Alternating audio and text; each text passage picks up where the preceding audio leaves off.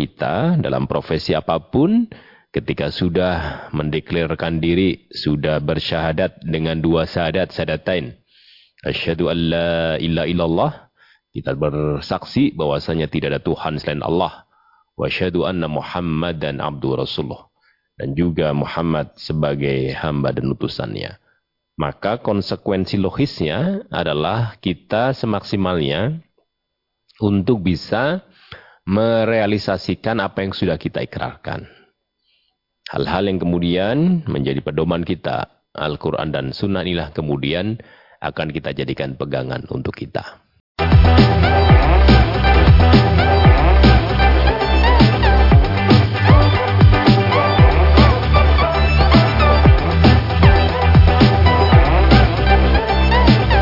Bismillahirrahmanirrahim. Assalamualaikum warahmatullahi wabarakatuh. Saudara pemirsa channel terpilih MTA TV di mana pun Anda berada. Puji syukur Alhamdulillah Senantiasa kita panjatkan kehadirat ilahi Rabbi Allah subhanahu wa ta'ala Atas kenap karunia nikmat dan juga rahmatnya Untuk kita semua Di perjumpaan awal aktivitas pagi hari ini. Kita jumpa kembali di program unggulan Fajar Hidayah. Dan Alhamdulillah sudah terhubung kita dengan beliau Ustadz Suprapto SDH MPI dari Pondok Pesantren MTA yang ada di Karanganyar untuk kita dapatkan pelajaran dan juga tausiah dari beliau. Assalamualaikum warahmatullahi wabarakatuh Ustaz. Waalaikumsalam warahmatullahi wabarakatuh Mas Tommy. Kabar baik dan sehat pagi ini Ustaz? Alhamdulillah sehat. Baik, dan pemirsa nanti bisa bergabung bersama kami di line telepon 02716793000 SMS dan juga di WA kami di 08 11 255 3000. Kita simak pelajaran kita pagi ini. Silakan Ustaz. Baik, terima kasih. Bismillahirrahmanirrahim. Assalamualaikum warahmatullahi wabarakatuh. Alhamdulillahirabbil alamin. Asyhadu an la ilaha illallah wa asyhadu anna Muhammadan abdu rasuluh. Allahumma salli ala Muhammad wa ala alihi wa ashabihi ajma'in. Wa qala ta'ala, a'udzu billahi minasyaitonir rajim. Bismillahirrahmanirrahim. يا أيها الذين أمنوا اتقوا الله وقولوا قولا سديدا يصلح لكم أعمالكم ويغفر لكم ذنوبكم ومن يطع الله ورسوله فقد فاز فوزا عظيما أما بعد Bapak Ibu, saudara-saudari semua yang berbahagia yang dimuliakan oleh Allah, kita bersyukur di pagi hari ini Allah memberikan kesempatan kepada kita untuk lebih bisa memanfaatkan waktu lagi. Hal yang kemudian kita mohonkan kepada Allah bahwa waktu yang Allah berikan kita juga bisa memanfaatkannya dengan baik. Makanya bentuk kita bersyukur kepada Allah. Kita mengazamkan di pagi hari ini sampai nanti kita tidur lagi akan memanfaatkan waktu ini dengan baik. Semua dalam rangka adalah untuk mewujudkan rasa bakti kita kepada Allah. Karena Allah berfirman, wa mahalaktul jinna wal insa illa liya'budun. Dan aku tidaklah menciptakan jin dan manusia kecuali hanya untuk menyembahku, untuk beribadah kepadaku. Oleh karenanya kita dalam profesi apa pun, ketika sudah mendeklarkan diri, sudah bersyahadat dengan dua syahadat syahadatain. Asyhadu an la illallah kita bersaksi bahwasanya tidak ada Tuhan selain Allah. Wa anna Muhammadan abdu rasulullah. Dan juga Muhammad sebagai hamba dan utusannya. Maka konsekuensi logisnya adalah kita semaksimalnya untuk bisa merealisasikan apa yang sudah kita ikrarkan. Hal-hal yang kemudian menjadi pedoman kita, Al-Quran dan Sunnah inilah kemudian akan kita jadikan pegangan untuk kita. Kalau kita melihat kemarin misalnya kami sampaikan terkait dengan uh, kita menjauhi bohong ya.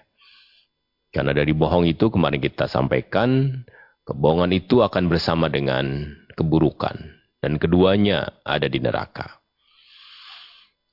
Dan kejujuran itu akan bersama dengan kebaikan dan keduanya jujur dan baik ini akan ada di surga. Hal yang tidak bisa kita pungkiri, manakala kemudian aturan agama kita langgar. Tata hubungan kita terhadap manusia akan menjadi sangat buruk manakala Allah melalui Rasulnya Allah juga berfirman waqulu qalan sadida. Rasulullah juga menyampaikan iyyakum wal kadhiba untuk kita menjauhi dusta ini tapi kemudian kalau itu dilanggar maka hubungan sesama kita sesama manusia akan sangat buruk pada akhirnya atau di awalnya oleh karenanya kami di kesempatan kali ini mengingatkan kepada diri kami pribadi dan juga kepada seluruh pemirsa, pendengar yang bisa mengikuti acara Fajar Hidayah ini. Dalam sebuah hadis yang diriwayatkan oleh Al-Hakim dan juga Ibnu Hibban. Demikian juga Ahmad. Kami bacakan di sini hadisnya. An Ubadah bin Samit radhiyallahu anha radhiyallahu anhu anna Nabi sallallahu alaihi wasallam qal itmanu li sitan min anfusikum adman lakum al jannata usduqu idha haddastum waufu idha wa'adtum wa'addu idha tumintum wahfadhu furujakum ghuddu absarakum wa kufu aydiyakum ini adalah satu pesan yang kemudian Rasulullah SAW sampaikan kepada kita sebagai bentuk jaminan beliau sebagai seorang Rasulullah kepada umatnya. Di sini disampaikan bahwa dari Ubadah bin Samit radhiyallahu anhu sesungguhnya Nabi sallallahu alaihi wasallam bersabda, "Hendaklah kalian menjamin padaku enam perkara dari dirimu." Rasulullah menyampaikan kepada para sahabat, berarti kepada kita semuanya sebagai umatnya itu, Hendaklah kalian menjamin kepadaku enam hal dari dirimu semuanya. Yang kemudian, niscaya aku menjamin surga bagimu. Rasulullah SAW memberikan satu tawaran kepada kita.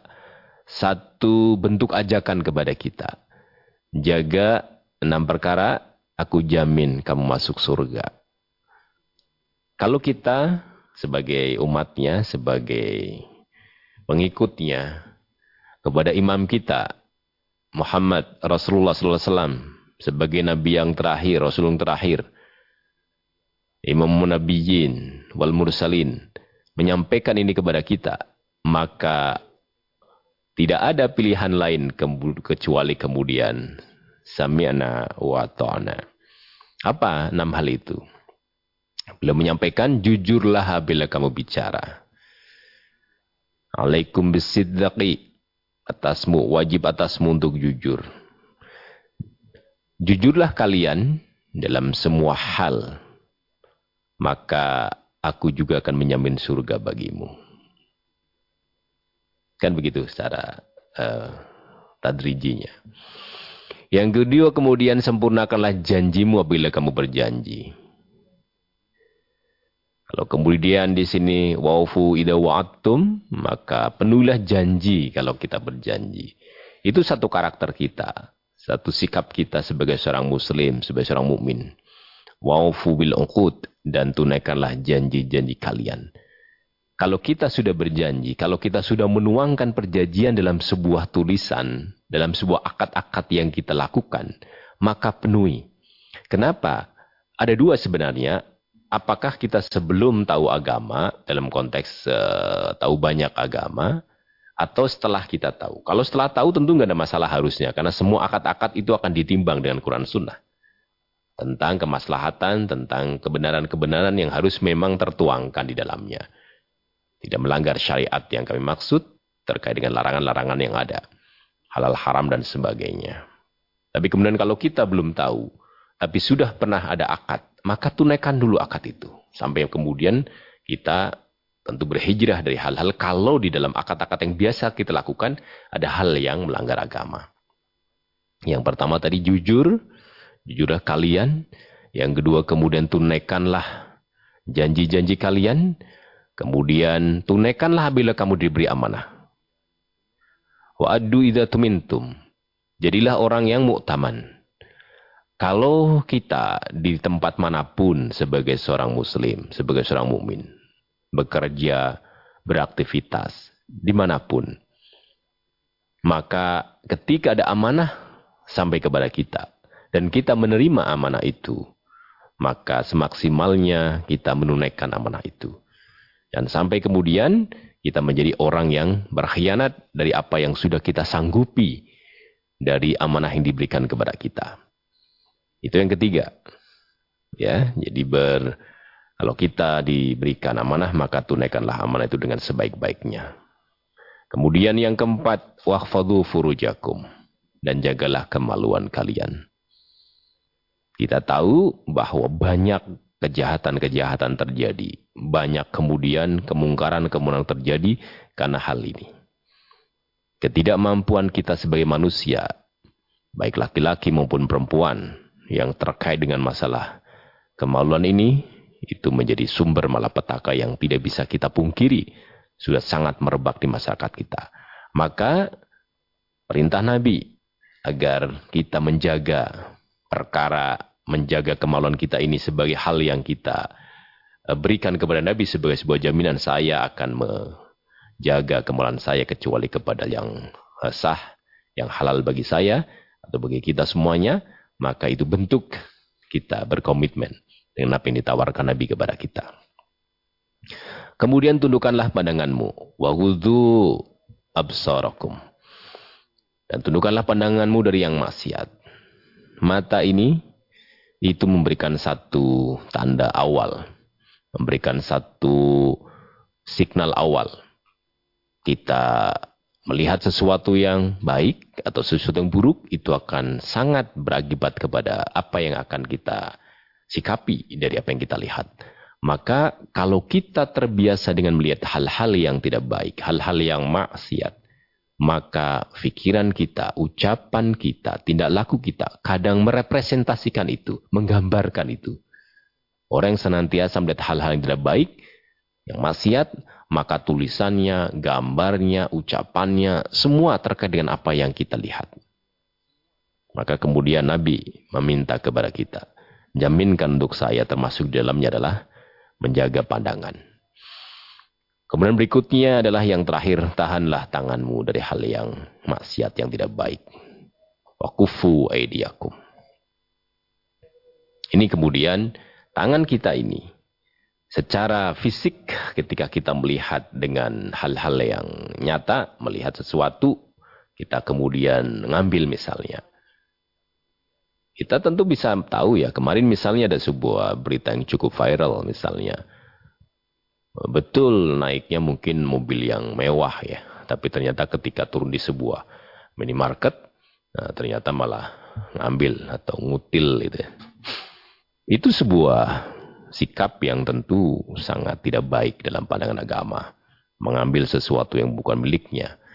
Dan kalau kemudian laptop ya, kemudian kita mampu tetapi kemudian pengennya suka ngambil. Itu kan hal yang nggak pas. Tetapi kemudian ketika kita sebagai pejabat, tentu dengan tangan kita dengan sign kita, dengan tanda tangan kita itu. Karena kita punya kekuasaan, karena kita punya uh, kedudukan, kita punya jabatan. Maka kemudian kalau tangan kita tidak mampu kita tahan untuk memberikan restu dengan dibubuhkannya tanda tangan kita, maka kita bisa termasuk orang yang terjerumus dengan apa yang Nabi sampaikan kepada kita untuk menjaga wakufu aidiakum. Tentu dari hal-hal yang maksiat kepada Allah Subhanahu wa taala dan juga rasulnya. Enam hal ini Bapak dan Ibu, coba kita renungkan. Apa yang kita kerjakan sebagai seorang muslim, maka harusnya enam hal ini otomatis adalah bagian dari komitmen kita untuk kita dedikasikan kepada Allah dan Rasulnya. Bahwa kita sebagai seorang mukmin tentu tidak akan berbuat dusta atau berkata dusta dengan apa pun, dengan tindakan kita, dengan tulisan kita, dengan ucapan kita. Kita akan jujur. Pun juga kita senantiasa akan semaksimalnya apa yang sudah kita akadkan akan kita tunaikan dengan semaksimalnya. Menyempurnakan janji-janji kita.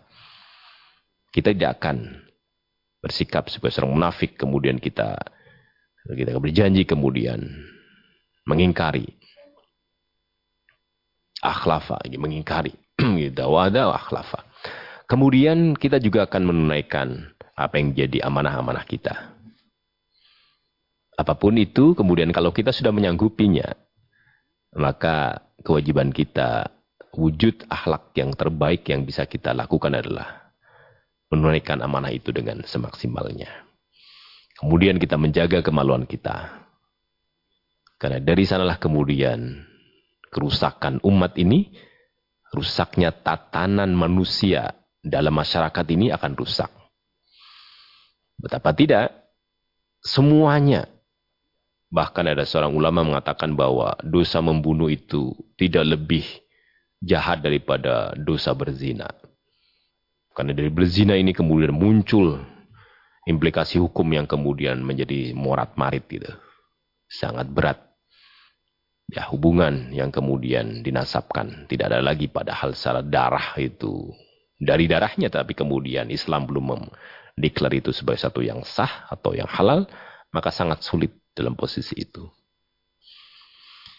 Kita juga menundukkan pandangan kita dari hal-hal yang masih, dari hal-hal yang tidak dibenarkan agama, dari hal-hal yang kemudian harusnya kita menundukkan pandangan kita. Kemudian kita menahan tangan kita. Kalau semua ini kita lakukan, enam hal yang kita jaminkan kepada Nabi kita Muhammad SAW sebagai bentuk tawaran Nabi kepada kita, Nabi juga akan menjamin untuk kita surga. Ini bentuk implementasi iman dan ihsan kita. Karena kita sudah muslim, kita sudah mukmin, maka bentuk ihsan kita adalah apa yang kemudian minimal enam perkara yang kita jaminkan kepada Nabi. Tetapi sebagai pembanding, ada satu hadis yang kemudian kami bacakan di sini. An Nabi Hurairah taqala qala Rasulullah sallallahu alaihi wasallam, "Salah satun la yukallimuhumullahu yaumal qiyamah wa la yuzakkihim." Qala Abu Muawiyah wa la yanzuru ilaihim walau mazabun alim syaikhun zanin wa malikun kadzab wa ailun mustakbir dari Abu Hurairah ia berkata Rasulullah SAW bersabda tiga golongan yang Allah tidak akan berbicara dengan mereka pada hari kiamat dan dia tidak mensucikannya perawi yakni Abu Muawiyah berkata dan Allah tidak melihat mereka dan bagi mereka siksa yang pedih yaitu orang tua yang berzina, raja atau penguasa yang berdusta, dan orang miskin yang sombong. Ini kemudian satu hal yang saling kontradiktif. Ketika enam hal tadi, kita menjaga kemaluan termasuk dalamnya. Lah ini ada orang tua yang kemudian berzina. Saya mengatakan orang tua itu tentu yang sudah nikah ke atas ya. 40 tahun ke atas itu sudah dewasa, sudah Apalagi dalam bahasa ini berarti mungkin yang sudah kakek-kakek, nenek-nenek mungkin begitu. Berzina. Kemudian juga ada penguasa, punya jabatan, dia berdusta, tidak menjaga mulutnya untuk senantiasa jujur, maka ini juga bagian yang kebalikan dari yang tadi. Kemudian yang miskin yang sombong, Nah, ini mungkin hal yang berbeda tentang sikap ya, sikap kesombongan yang kemudian tentu itu adalah wilayah wilayah ilahi yang kemudian kita manusia tidak berhak untuk berlaku sombong. Maka tiga orang ini, tiga golongan ini tidak akan Allah lihat besok di akhirat. Kalau Allah tidak melihatnya, posisinya sudah jelas di mana. Bagaimana Sang Khalik yang mencipta kita, yang kemudian akan memberikan utusannya kepada kita tidak mau melihat kita betapa sangat amat siksa yang pedih ketika kita besok di akhirat tidak dilihat oleh Allah Subhanahu wa taala. Oleh karenanya Bapak dan Ibu semuanya dalam forum yang mulia ini kami mengharap kita semuanya mencoba untuk mengoreksi kembali enam hal yang Allah melalui Rasulnya sampaikan kepada kita. Untuk kita menjaminkan kepada beliau sebagai Rasul kita, imam kita, sebagai Nabi kita. Rasulullah SAW sebagai panutan kita. Sebagai Rasul Allah, kemudian kita harus manut, patuh, tunduk kepadanya karena itu perintah Allah. Atiullah wa Rasul. Maka kemudian kalau enam hal bisa kita jaminkan, Allah juga akan menjaminkan surga melalui janji dari Rasulnya. Dan kita, tadi kami sampaikan, kebalikan yang kemudian tidak akan Allah lihat, tidak akan Allah sucikan. tidak akan Allah berikan satu kemuliaan baginya ketika ada orang yang kemudian sudah tua masih bermaksiat dengan zina. Kemudian ada seorang yang penguasa, raja atau dia yang punya kedudukan dalam ucapan-ucapannya senantiasa berdusta, membohongi umatnya, membohongi rakyatnya, membohongi apa yang menjadi bawahannya, membohongi apa yang menjadi staf-stafnya dan sebagainya dan sebagainya. Halakuli hal, kalau dia mempunyai kedudukan, kekuasaan, tapi kemudian melakukan hal-hal yang tercela dengan berbohong, maka dia juga tidak akan dilihat oleh Allah besok di akhirat. Termasuk kemudian orang yang sudah miskin, yang dia harusnya lebih banyak mendekatkan diri kepada Allah, tapi dia berlaku sombong. Tidak mau beriman kepada Allah, senantiasa sultan kepada Allah. Bahwa apa yang Allah berikan senantiasa dikomentari, senantiasa dikeluh kesahkan, senantiasa menjadikan dirinya apa yang dilakukan menjadi hal yang mampu dilakukan dengan akal fikirannya saja, tidak dengan tuntunan agama. Ini yang bisa kami sampaikan Bapak, Ibu dan Saudara bahwa kita melalui mimbar ini menyeru, marilah kita senantiasa berbuat jujur. Marilah kita senantiasa menjaga kemaluan kita. Marilah kita senantiasa menyempurnakan amanah-amanah kita, menunaikan amanah kita Marilah kita sempurnakan akad-akad kita. Marilah kemudian kita tundukkan pandangan kita dan kita jaga tangan kita. Sehingga kita termasuk orang-orang yang dijanjikan Rasulullah untuk masuk ke dalam surganya. Surganya Allah subhanahu wa ta'ala. Demikian mudah-mudahan bisa bermanfaat. Ya. Baik pemirsa kami harapkan Anda bisa bergabung bersama kami di line telepon 0271 6793000. SMS dan juga di WA kami di 08 11 255 3000. Namun sebelumnya kita akan simak beberapa informasi dalam rangkaian jeda pariwara berikut ini. Baik saudaraku pemirsa channel terpilih MTA TV di mana pun Anda berada, terima kasih Anda masih setia bersama kami khususnya di program unggulan Fajar Hidayah pagi ini. Baik Ustaz kami bacakan pertanyaan yang pertama yang ada di SMS dan WA dari Ibu Sri di Sragen Ustaz. Yang pertama, Ustadz, di tempat kampung saya setiap tahunnya pas tanggal 17 Agustus dan tiap tahunnya itu jadi dan tiap hari dan tiap tahun hari jadi kota Sragen. Di tiap-tiap RT itu pada melakukan tirakatan di tengah perempatan jalan. Membuat tumpeng dan bawa makanan-makanan lainnya. Seperti buah-buahan, snack, dan sebelum makan tumpeng tersebut itu didoakan terlebih dahulu. Terus tumpeng yang ditancapi bendera merah putih itu dipotong dan yang muda memberikan kepada yang tua. Lalu dimakan bersama rame-rame. Laki-laki dan perempuan yang hadir ada di situ. Pertanyaannya, apakah tirakatan tiap tahun seperti itu ada contoh dari Nabi? Dan kalau tidak ada contoh dari Nabi, apakah itu termasuk kemusyrikan Ustaz? Soalnya setelah acara tumpengan di tiap RT itu beda-beda, ada yang lanjut menanggap origin, ada yang menanggap campur sari, dan lainnya. Sebagiannya laki perempuan campur dan juga joget-joget. Mohon tasyahnya Ustaz.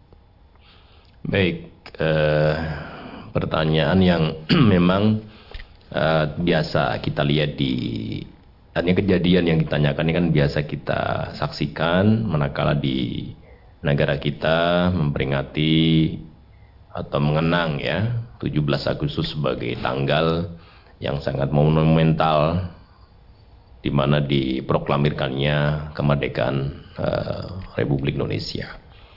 Kalau pertanyaannya apakah ada tuntunannya, tentu kami bisa menjawab tidak ada model seperti itu. Apakah kemudian itu musyrik? Kalau kita melihat dari kemusyrikan sebagai wujud untuk kita menyandingkan, kita menganggap bahwa dengan acara-acara itu yang memerdekakan juga tidak ada. Itu sebagai sebuah acara yang kemudian kita bisa memilahnya menjadi dua. Di majelis kita mencoba untuk mengingat, mengenang sebagai bentuk rasa syukur kita kepada Allah atas anugerah yang Allah berikan. Kemerdekaan kepada republik ini itu dengan mencoba memberikan program paket-paket kemerdekaan. Dan itu sudah berjalan beberapa tahun ini ya, sejak Ustadz Almarhum sudah berjalan. Lebih dari 10 tahun ya. Sehingga kalau dari satu sisi ini kita mengingat tentang kemerdekaan bagaimana dulu ketika dijajah karena kita semua kan orang-orang milenial yang tidak tahu ya bagaimana penderitaan orang-orang dahulu ketika dijajah. Kalau sekarang kita melihat mungkin ke negara-negara yang sedang konflik lah. Bagaimana rasa ketakutan, bagaimana kemudian kelaparan dan sebagainya, kesehatan yang sebagainya tidak terjamin. Itu menjadi satu gambaran, satu gambaran bahwa untuk masyarakat, untuk sebuah daerah, untuk sebuah negara apalagi dijajah, itu kan hal yang tidak menyenangkan. Kita bisa melihat sekarang di berita-berita yang ada. Ya. Di situasi perang, di situasi yang kemudian ada ketertekanan dan sebagainya. Oleh karena ketika kemudian ada anugerah dari Allah, bangsa kita merdeka ini, kita mengikrarkannya adalah jangan sampai kita yang sudah merdeka 77 tahun ini masih ada yang kemudian kesulitan dalam hal makan. Ya. Makan masih dua kali. Dua kali ini bukan karena diet, tapi memang karena tidak ada yang dimakan. Harusnya tiga kali misalnya. Sehingga MT memberikan satu kegiatan itu. Ini kan satu satu sisi bahwa di sana ada ada dua hal yang perlu kita potret. Bagaimana kita mensikapi sebagai bentuk rasa syukur kita kepada Allah. Ada juga yang kemudian di sebuah eh, masyarakat atau kita banyak melihat bagaimana kita pengen sebenarnya anak-anak muda juga tahu makna kemerdekaan. Walaupun kemudian semakin banyaknya para sesepuh kita yang sudah meninggal, kadang terdistorsi, terkurangi makna kemerdekaan itu sendiri. Yang seharusnya kita mendengarkan mbah-mbah kita cerita dulu bagaimana beliau-beliau berjuang, bagaimana beliau-beliau mengcover, membantu para uh, tentara rakyat ya untuk bisa uh, secara logistik, secara tempat, secara pakaian dan sebagainya. Yang penting beliau-beliau walaupun kadang tidak ikut berperang tapi membantu para tentara untuk berperang melawan penjajahan Belanda misalnya atau mungkin Jepang. Tetapi kemudian ketika para sesepuhnya sudah tidak ada, nah ini menjadi problem. Sehingga kemudian ya istihadnya istihad ketika orang yang uh, belum tahu agama, masih eh, pemahaman agamanya masih belum dalam, itu kemudian yang penting kita namanya senang karena kita udah merdeka maka tadi ada organ kah, ada kemudian tadi misalnya disampaikan joget laki-laki perempuan. Ini menjadi satu hal yang dilarang agama. Percampuran ini kan dilarang. Apalagi sambil joget-joget, apakah itu bentuk rasa syukur kita kepada Allah? Kalau kami melihat dan berpandangan bahwa rasa syukur kita itu diwujudkan bagaimana yang bisa kita kerjakan sebagai seorang mukmin, sebagai seorang muslim, ketika kita berbuat sesuatu dengan melaksanakan nama Allah dan Rasul perintah, mesti akan ada kemaslahatannya bagi masyarakat dan negara kita ini. Itu pasti. Secara langsung maupun tidak langsung. Kalau kita berbuat jujur misalnya sebagai bentuk kita patuh kepada Allah dan Rasulnya, mesti negara kita akan baik. Dengan sendirinya, karena kita sebagai organ masyarakat terkecil, pribadi dan juga nanti keluarga. Kalau dalam keluarga kita kita didik bagaimana agama memberikan bentuk kejujuran itu, maka kita lakukan. Amanah dari para pendahulu kita, the founding father kita itu, negara kita ini, menyampaikan bahwa untuk mengisi kemerdekaan dengan pembangunan, dengan pendidikan, dengan keadilan, dengan peran serta kita untuk negara lain, agar kita bisa menjadi penengah, menjadi yang ikut berkiprah untuk mendamaikan untuk uh, dalam uh, apa kegiatan-kegiatan perdamaian dunia. Itu bentuk rasa syukur kita sebagai wujud ketika kemerdekaan sudah didapat dari anugerah Allah ini wujud kita sebenarnya itu. Maka kalau kemudian kegiatan-kegiatan yang dilakukan sekarang seperti ini itu sudah bergeser itu sudah lebih ke arah hanya seremonial yang kemudian bisa menjadi hal yang kemudian dilarang agama. Tentang tadi eh, apa namanya?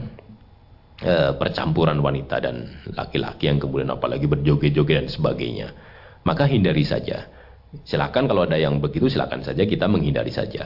Kalau kemudian tadi kita di perempatan jalan mungkin ya biar merasa ya kita merdeka gitu. Cuma kan itu mengganggu juga untuk yang yang berlalang untuk non desa itu ya. Kadang kemarin kan ada yang cerita ke saya juga mau keluar dari menjemput anaknya saja keluar desa menjadi sangat sulit karena semua jalan hampir ditutup di palang karena ada agenda-agenda pengen ketemu bersama warganya satu RT.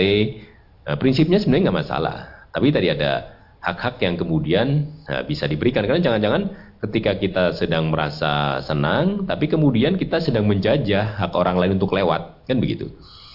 Oleh karenanya Bu Sri yang dari Seragen, satu kalau itu memang ditanya tuntunan, memang nggak ada tuntunannya. Karena mungkin hal ini kan sebagai bentuk uh, budaya saja, budaya untuk di beberapa tempat di kita modelnya begitu. Yang perlu kita jaga jangan sampai di sana ada kemudian hal yang dilarang agama kita lakukan, berkumpul putra putri dan sebagainya. Kemudian tadi terkait dengan kemusyrikan, kalau memang tadi misalnya didoakan, itu udah biasa ya doa kita misalnya. Uh, kita berdoa, mudah-mudahan Allah senantiasa memberikan kemakmuran kepada negeri kita dan sebagainya itu sah-sah saja. Terkait kemudian tumpengnya dipotong untuk yang tua dulu, ya itu bentuk ikram kita. Atau kalau misalnya tumpeng ya bisa saja roti, cuma kan roti kan kesannya bukan orang Indonesia. Atau mungkin tiwul gitu juga boleh juga. Artinya itu hal yang bagi kami melihatnya tidak sampai sejauh itu bentuk kemusyrikan itu tidak begitu.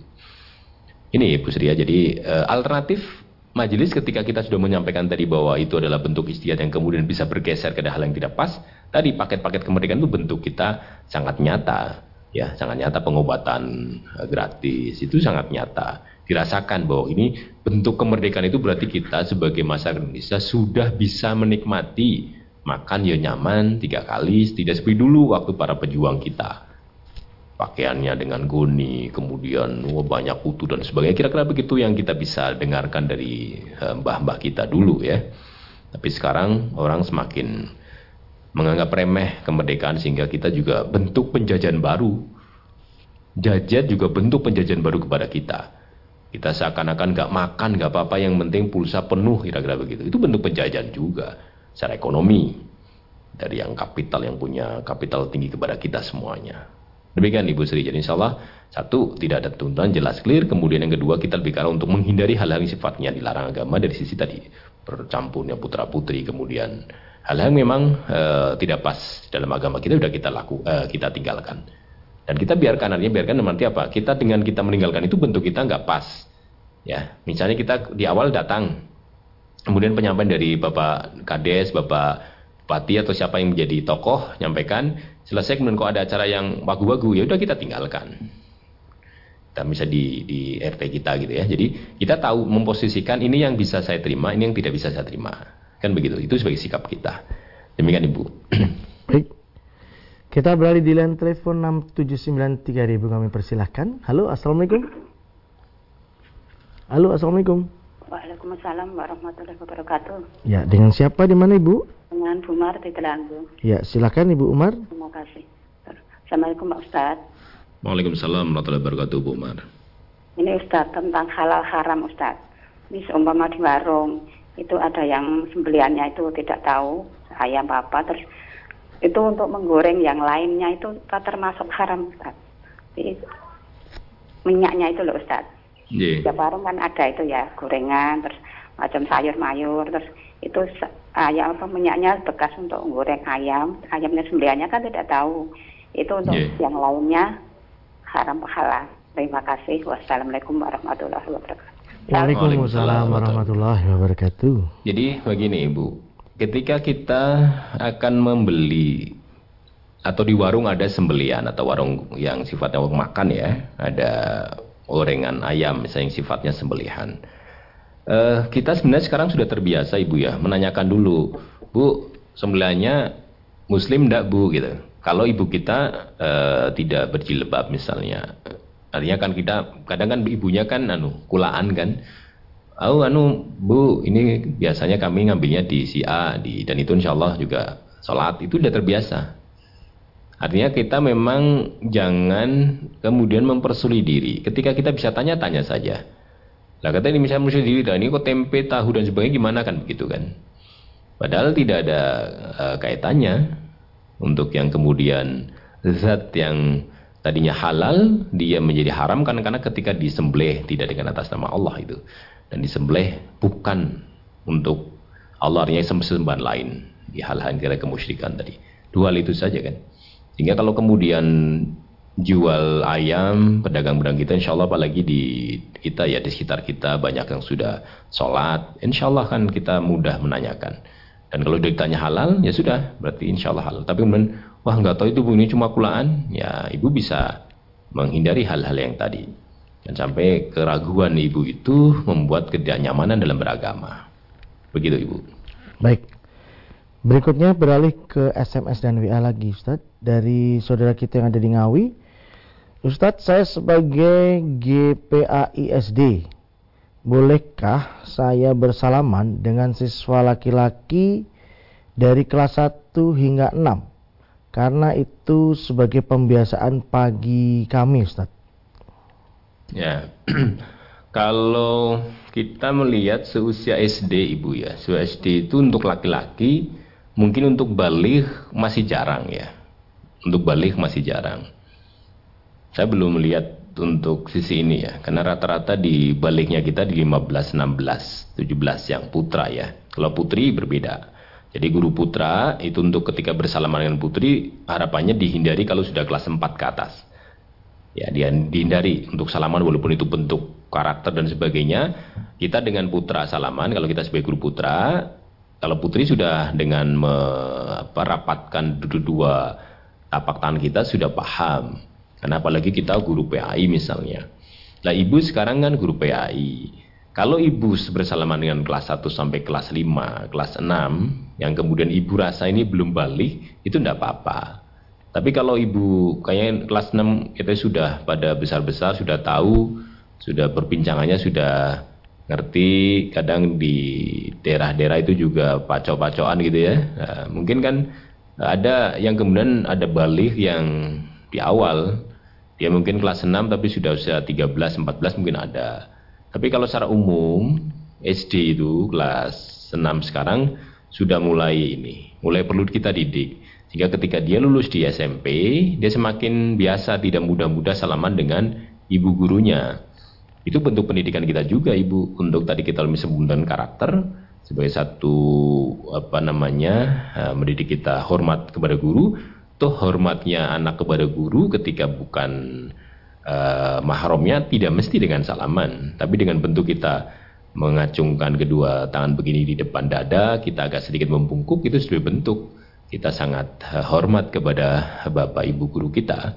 Sehingga kalau kami melihat dalam posisi ini, ya tidak mengapa untuk yang kelas 1 sampai kelas 5 misalnya. Tapi kelas 6 untuk putra ya, kalau putri saya lagi kami sampaikan karena banyak yang putri kelas 6 sudah ada yang haid sehingga itu sudah balik loh. Tapi untuk putra uh, untuk sampai balik itu kelas 6 uh, eh, banyak yang belum. Tetapi tadi untuk pendidikan kita kalau sudah kelas 6 lebih baik uh, sudah mulai diacungkan tangannya saja sehingga yang bersangkutan juga tahu oh ibu guru mendidik saya kalau saya bukan kepada yang mahram itu sudah tidak harus salaman dan tidak tidak apa-apa karena gurunya yang ngajarin. Itu malah lebih bagus. Artinya ada satu hal yang bisa kita inilah bisa kita lakukan mendidik anak-anak kita sampai kemudian mereka memahami bagaimana seharusnya uh, berinteraksi atau ke kepada siapa saja kita boleh bersalaman. Demikian Ibu. Baik. Satu lagi Ustaz, dari SMS dan WA dari Pak Dadang di Riau. Bagaimanakah Ustadz hukumnya bagi imam jika sholat tidak membaca doa iftitah? Karena saya sebagai makmum imam begitu takbiratul ikhram langsung membaca Al-Fatihah. Demikian. Baik. Kalau pertanyaannya bagaimana hukumnya imam tidak membaca Al-Fatihah apa iftitah? Kalau di kita ini ada dua hal yang perlu kita pahami Bapak ya. Jadi kalau di kita itu ketika pegangan hadis kita solu kama ra'aitumuni itu. Salatlah kalian sebagaimana kalian melihat aku Nabi salat itu. Rentetan ketika salat Nabi demikian. Takbir, kemudian iftitah, kemudian ta'awud, kemudian Fatihah, kemudian surat, kemudian dan sebagainya. Ada yang kemudian ketika imam takbiratul ikram langsung Allah Akbar kemudian langsung paling beberapa detik atau ini langsung Al-Fatihah. Karena dalam pandangan beliau Al-Fat uh, iftitah yang kemudian ada beberapa ada beberapa uh, bacaan itu dianggapnya adalah sunnah dalam sholat. Sehingga yang wajibnya Al-Fatihah dan surat. Lah, kalau yang itu ditanyakan untuk kita, semaksimalnya kita ikuti yang uh, Nabi Rasulullah contohkan kepada kita. Jadi hukumnya yaitu paket sholat kita. Kalau kemudian kita makmum masalahnya sekarang, imam kemudian apa namanya e, langsung membaca. Begitu ke imam takbir, kita takbir, kita membaca iftitah. Allahu kabir misalnya. Kalau tidak selesai, imam sudah apa namanya e, sudah al-fatihah, ya udah kita diam mendengarkan. Insya Allah itu bagian dari mafu anhu dari sisi ini, ya dari sisi ini. Karena kalau bapak tadi kan posisinya kan makmum kan, ketika kita membaca al-fatihah, Allahu kabir, alhamdulillah. Dan langsung alhamdulillahirobbilalamin udah kita diam. Mengikuti. Insya Allah sah salatnya. Dalam posisi ini ini sah. Jadi kalau kita sudah mendengarkan ayat dibaca ya Al-Fatihah kita diam. Walaupun kita tadi iftitahnya mungkin baru separuh. Ya separuh. Allah barkabir alhamdulillah katsira. Nah gitu kemudian sudah mendengar kita diam lah besok lagi kemudian kita bisa melihat apakah imam yang tempat kita sholat itu iftitahnya dibaca apa tidak. Kalau tidak berarti ini potensi nanti saya begitu lagi. Nah, saya nyari yang tempat yang lebih nyaman, yang mereka dan insya Allah tidak banyak kok, tidak banyak imam yang begitu uh, takbir kemudian langsung fatihah. Mesti ada waktu jeda, sehingga insya Allah tidak tidak perlu kita mempersulit untuk hal semacam itu. Kalau memang di situ si A berarti begitu caranya kita geser ke tempat yang lain nggak masalah. Kalau ditanyakan bagaimana hukumnya eh, apa namanya imam begitu, ya ada dua pandangan tadi. Lalu fikih menyampaikan ketika itu dibaca dengan berbagai bacaan itu ada kemudian oh ini sunnahnya sholat ada, ini wajibnya, ini rukunnya begitu. Kalau kita dalam pandangan kita di majelis ini, pokoknya apa yang Allah apa yang Allah dan Rasulnya perintahkan, apalagi spesifik lagi Rasulullah mengatakan dulu solu Kamarotimul sol itu yang kita pegang, maka urutan sholat ya sebagaimana yang sudah sampai kepada kita. Di sana ada fat, uh, iftitah ketika uh, setelah takbiratul ikram. Demikian yang bisa kami jawab. Ya. Baik Ustaz, kami sampaikan terima kasih atas pelajaran dan tausiahnya di kesempatan pagi ini. Insya Allah kita nantikan pelajaran berikutnya Ustaz. Assalamualaikum warahmatullahi wabarakatuh. Waalaikumsalam warahmatullahi wabarakatuh. Baik saudara ke pemirsa channel terpilih MTA TV di mana pun anda berada demikian tadi telah kita simak dan ikuti bersama program unggulan Fajar Hidayah pagi ini. Kita jumpa kembali di kesempatan mendatang dan saya Tamil Fatani pamit undur. Alhamdulillahirrahmanirrahim. Subhanakallahumma wa bihamdika. Asyhadu alla ilaha illa anta astaghfiruka wa atubu Assalamualaikum warahmatullahi wabarakatuh.